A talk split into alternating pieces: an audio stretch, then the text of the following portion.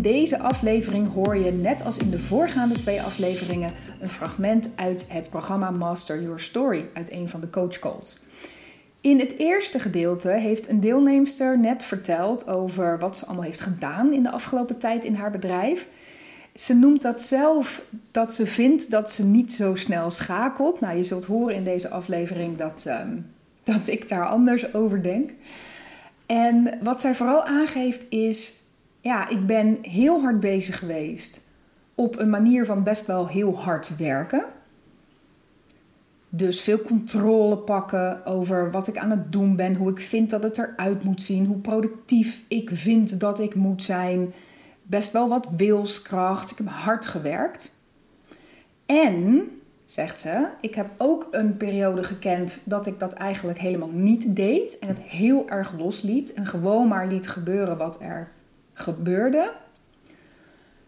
En nu heb ik het gevoel dat ik vaste grond onder mijn voeten begint te krijgen. Nou, hoe dat mechanisme, want dat zie ik veel vaker, en hoe dat werkt en hoe ik daar tegenaan kijk, dat ga je horen aan het begin van dit fragment.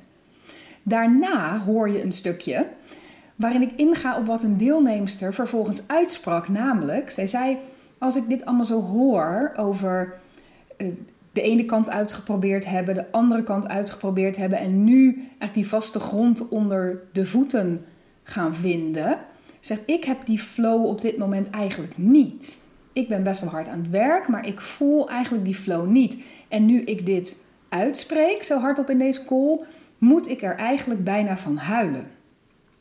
En wat mijn reactie daarop is, op die uitspraak, dat hoor je in het tweede deel van deze podcast. We beginnen dus bij een deelnemster die aangaf: Ik begin weer vaste grond onder mijn voeten te voelen. En daarna hoor je mijn antwoord op wat een deelnemster aangaf, door te zeggen: Eigenlijk moet ik, als ik dit zeg, er bijna van huilen. Ik hoop dat er wat voor je in zit. Ik wens je in ieder geval veel plezier met luisteren. Hier komt hij. Als we kijken naar waar jij stond ook in je bedrijf en, en aan het begin van, van dit programma en nu, dan heb je redelijk snel geschakeld. Kan ik je vertellen hoor. Dat is, dus, maar ik snap wel wat je bedoelt. Maar ik moest dan toch een beetje gniffelen. We doen dat allemaal. Hè? Dat we toch vaak voor onszelf uh, wat kleiner maken. Wat we eigenlijk allemaal al bereikt hebben. Uh, dan dat anderen dat van buitenaf misschien zouden doen. En het is ook zo mooi wat je vertelt over eerst een fase gekend hebben. waarin je onderzocht hebt hoeveel controle en vorm je op de dingen kan pakken. Totdat je letterlijk gek wordt. Nou ja, hè, maar ik vind dat ik dat mag zeggen, want ik heb het ongeveer ook gedaan. Dus, ja, uh, en dat je dan, om, om ergens anders te komen, kan je een paar dingen doen. Hè? Als je aan de ene kant van het spectrum zit en je wil ergens anders heen, kan je hele kleine stapjes zetten, zo. zo dus, maar de meeste mensen die gaan gewoon eerst even lekker helemaal naar de andere kant van het spectrum, om uiteindelijk ergens een soort van in het midden uit te komen waar het over gaat. Dus je hebt de ene kant van het spectrum helemaal ontdekt. Daarna heb je de andere kant van het spectrum helemaal ontdekt. Om nu dat gezonde midden te vinden. Van oké, ik kan dus. Vorm is, kan heel dienend zijn als ik het maar vanuit deze intentie laat komen. En niet vanuit de angstige hang naar controle-intentie. Dan gaat het mis. Nou, nou, en dat gezonde midden is een prachtig veld om in te landen. En om dan te zeggen, en dit is hoe ik daar mijn stappen in zet en mee omga. Dat is, dan, dan zweef je niet meer van de ene naar de andere kant, maar dan heb je vaste grond onder je voeten en kan je gewoon rustig gaan lopen. En dat hoor ik je, dat is eigenlijk wat ik je hoor zeggen, dat, dat, nu, dat je daar bent aangekomen en dat is prachtig om te horen. En wat mooi ook dat je zegt van, hè, dat, is, dat is niet alleen in het werk zo, maar op meerdere fronten in mijn leven. Dan moet ik altijd een beetje denken aan Jitske Kramer. Jitske Kramer, die, ik, weet, ik weet niet wie van jullie haar kennen, maar zij is, uh, hoe noem je dat ook weer? Antropoloog, dankjewel. Um, en zij doet heel veel onderzoek naar hoe functioneren uh, bedrijven en, en groepen in de dynamiek van een organisatie. En, zo. en zij laat zich daarbij inspireren door inheemse stammen, ja, tribes is echt haar ding. Ik heb haar ook eh, live op congressen horen spreken en zo. Maar waarom zeg ik het? Omdat een van de dingen die zij heeft gezegd is dat heel veel mensen in het werk aan het zoeken zijn naar de, de work-life balance. Zo van ja, dit is in mijn werk en dit is in mijn leven. En zij zegt dan, fuck dat, there is only life.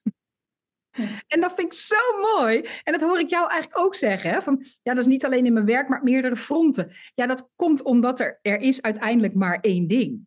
Er is maar één ding. En wat je in je bedrijf aan het doen bent, merk je in je leven. En wat je in je leven aan het doen bent, merk je in je bedrijf. There is only life. Jij bent in het centrum daarvan. En al die voeting die je ergens vindt, zijpelt zo overal naartoe door in alles wat je doet en alles wie je bent. Ehm, en hou dat ook voor ogen in je werk. Hè? Dat, uh, als, als je werk je werk wordt, dan moet je heel even terug en zeggen: nee, wacht even, there is only life. En wat ik doe, waar ik ook geld voor krijg of, of uh, niet, of het maakt niet uit, maar wat ik doe, is ook my life. It's all my life.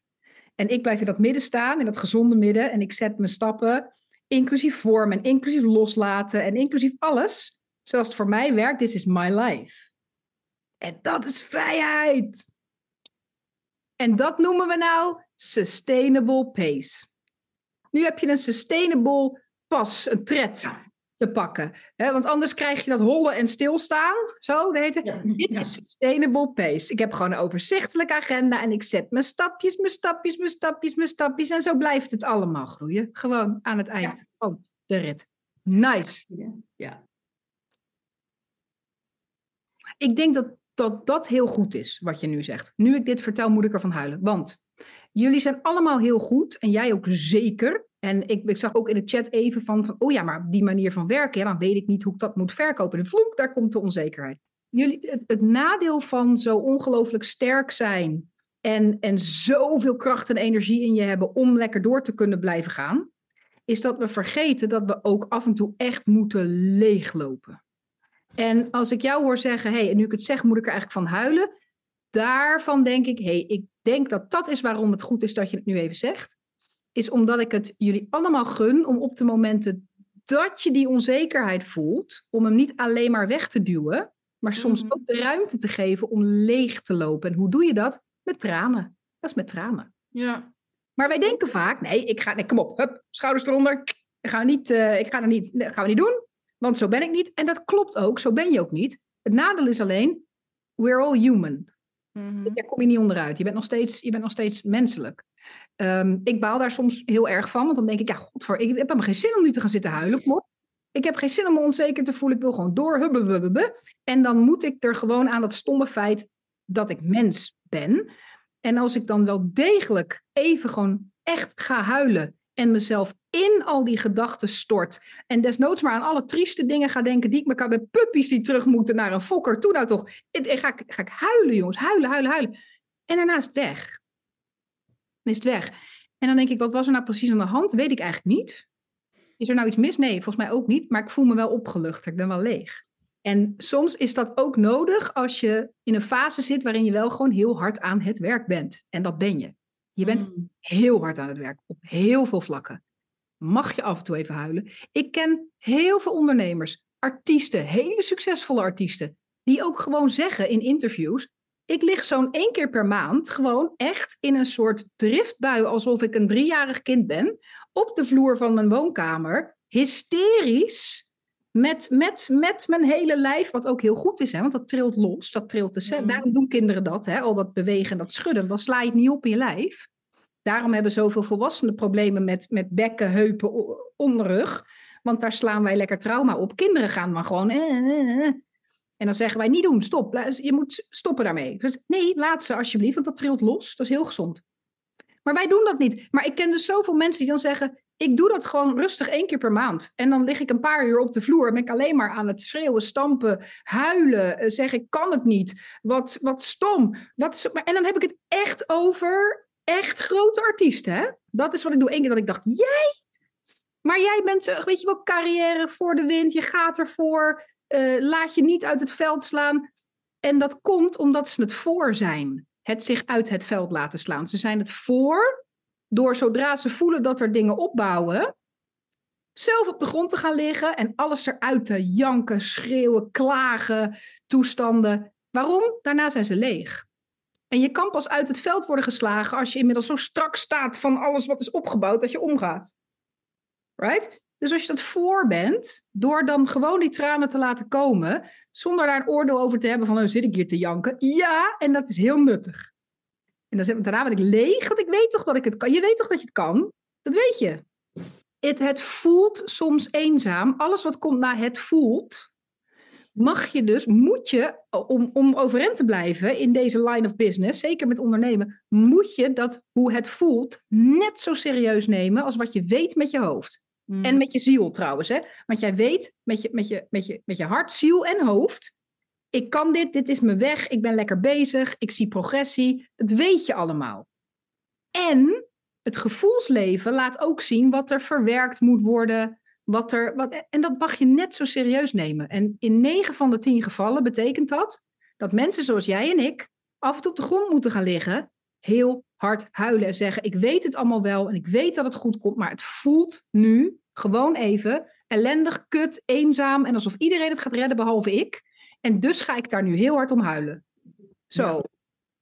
En dat maakt je niet tot een mindere ondernemer of een, dat het je dus niet gaat lukken, want oh jee, nu ben je aan het klagen of negatief. Nee, dat maakt je een waanzinnig mooi mens dat ruimte maakt voor dat gevoelssysteem wat ons onderscheidt van een robot.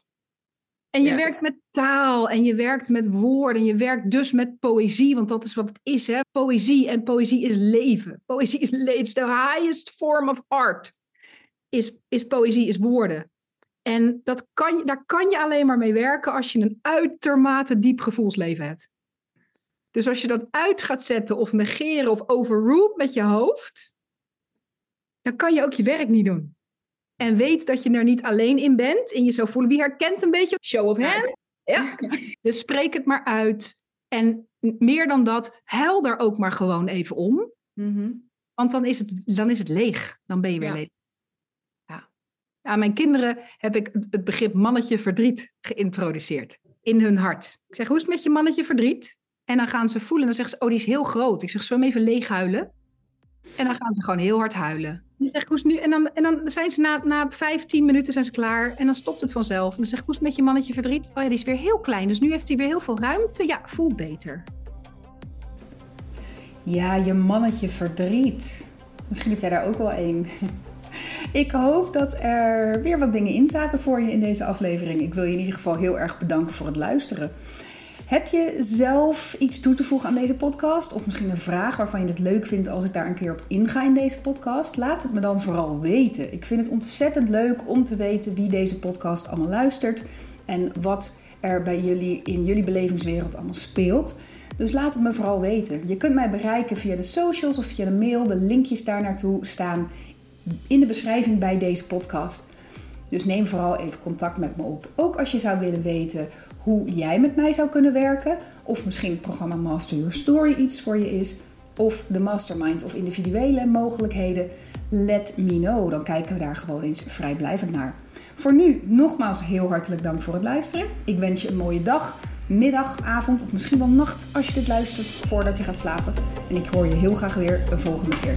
Doei doei!